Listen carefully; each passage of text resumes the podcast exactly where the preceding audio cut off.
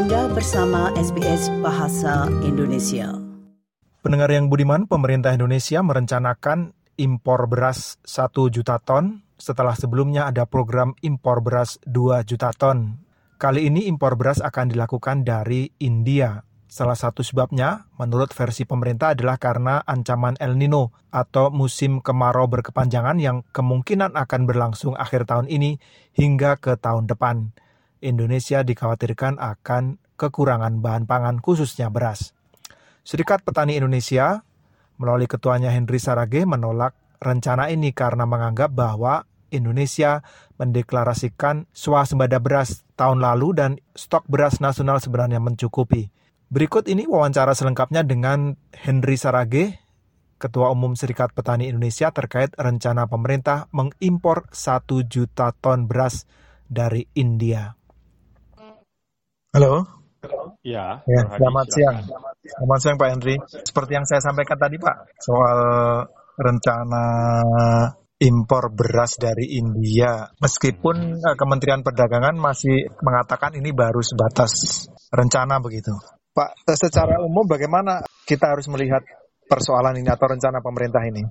Pertama, sesuai dengan Undang-Undang Pangan nomor 19 eh, tahun 2013 bahwasanya urusan yang menyatakan uh, Indonesia itu menyangkut keadaan pangannya, stok pangannya, kekurangan atau surplus itu adalah Badan Pangan Nasional. Itulah yang menentukan bahwasanya satu keadaan kekurangan pangan ataupun kelebihan pangan ataupun upaya-upaya untuk menanggulangi kekurangan pangan tersebut.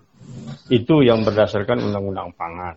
Jadi, ya menurut kita apa yang disampaikan oleh Kementerian Perdagangan ini sudah sesungguhnya di luar dari tugas dia. Ya, apalagi juga sesungguhnya pemerintah Indonesia sudah memutuskan ya uh, impor beras 2 juta ton sebelumnya begitu dan hmm. itu pun menurut kita ya kita pertanyakan mengapa diimpor 2 juta ton itu karena berdasarkan uh, kalkulasi secara nasional sesungguhnya uh, beras kita masih mencukupi kan tahun lalu itu.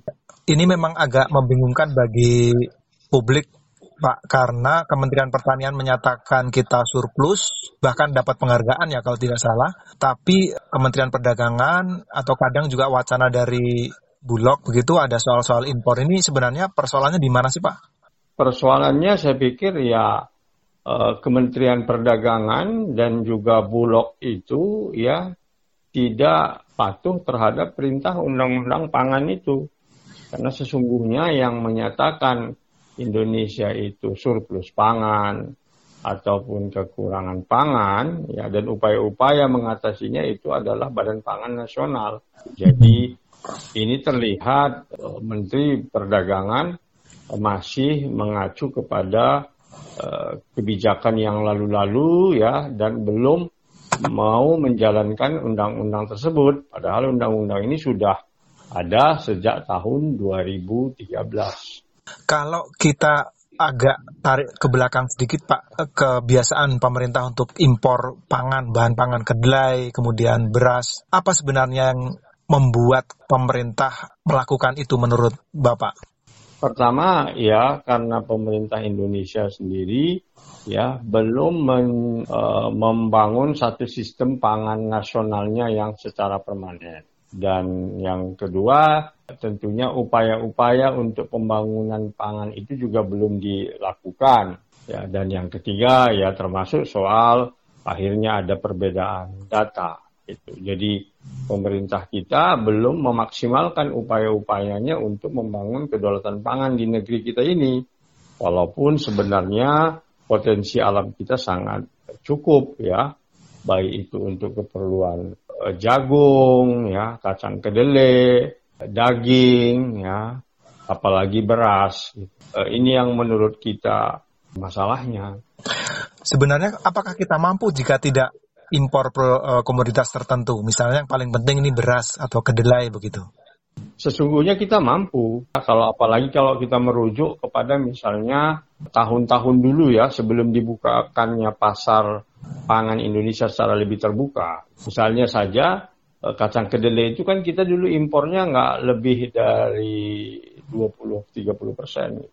Ya, itu ya. Kacang kedelai itu kan cuma segitu impornya. Selebihnya kan produksi dalam negeri. Kan jangankan kacang kedelai ya. Bawang putih aja kita sanggup dulu memenuhi kebutuhan kita, apalagi gula, ya, apalagi beras. Ya. Jadi sesungguhnya yang uh, masalah itu adalah ketika pemerintah Indonesia uh, membuka pasar pangan kita ini dari luar negeri, sehingga upaya-upaya uh, untuk memproduksinya itu dikesampingkan terkait rencana terakhir impor beras dari India ini Pak, kalau misalnya kalangan petani menolak, kemudian kalangan yang lain juga mengkritisinya, siapa yang kemudian bisa menghentikan rencana itu atau atau menggagalkannya begitu?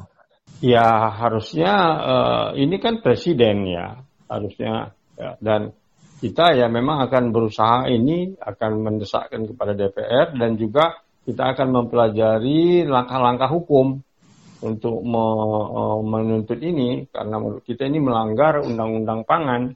Kondisi komoditas ini khususnya beras di kalangan petani sebenarnya bulan-bulan ini seperti apa, Pak?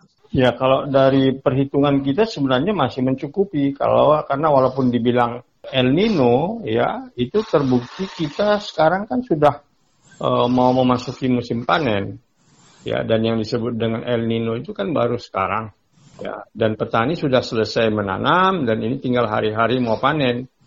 Ya e, minggu depan kita sudah mulai panen. Jadi kalaupun yang terganggu itu adalah katakanlah kemarau ini akan datang ya di bulan Juni sampai Agustus itu adalah yang terhalang adalah tanaman pangan untuk yang non irigasi. Sementara yang irigasi tidak terganggu dan perlu diketahui selama ini pun eh, petani-petani yang tanahnya itu tanah non irigasi pada musim tanam ketiga tidak tanam padi, itu tanam palawija. Gitu. Kan uh, Kementerian Pertanian memiliki data sendiri Pak. Apakah menurut uh, Pak Henry Menteri Pertanian harus lebih tegas menegaskan bahwa kita tidak butuh impor karena dia juga mengatakan bahwa kita surplus begitu? Sebenarnya bukan Menteri Pertanian, adalah Menteri uh, Kepala Bapenas. Jadi ini aneh Kepala Bapenas, kenapa dia tidak sejak awal memberikan klarifikasi harusnya tidak boleh ini statement dari Kementerian Perdagangan. Ya, karena kan Bapenas ini kan langsung di bawah Presiden. Dan memang tugasnya ya. di bidang pangan ya. Dan di bidang pangan gitu. Dan dia yang memang berhak mengatakan apakah kita ini surplus, ataukah kekurangan. Gitu. Dan setahu kita Badan Pangan Nasional sendiri pun belum mengatakan pentingnya impor yang satu juta karena realisasi yang impor 2 juta saja pun belum terpenuhi. Masih baru setengah juta ton yang diimpor. Jadi baru eh, sampai Maret kemarin yang diputuskan 2 juta ton itu baru eh, 500 ton.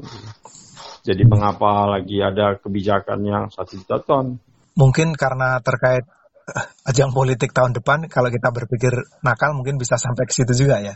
Iya bisa jadi ini adalah upaya-upaya mereka mengambil rente ya. Itu menurut kita sebuah peristiwa politik yang paling parah karena sesungguhnya pemerintah Jokowi ini ya sejak 2014 menjanjikan untuk bersuasembada pangan, membangun kedaulatan pangan.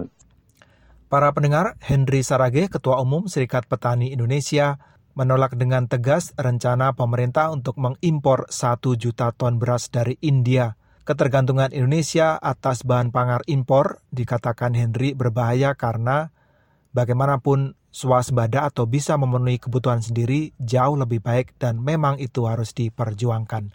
Terima kasih. Sampai jumpa kembali. Selamat menikmati hari libur Anda akhir pekan ini.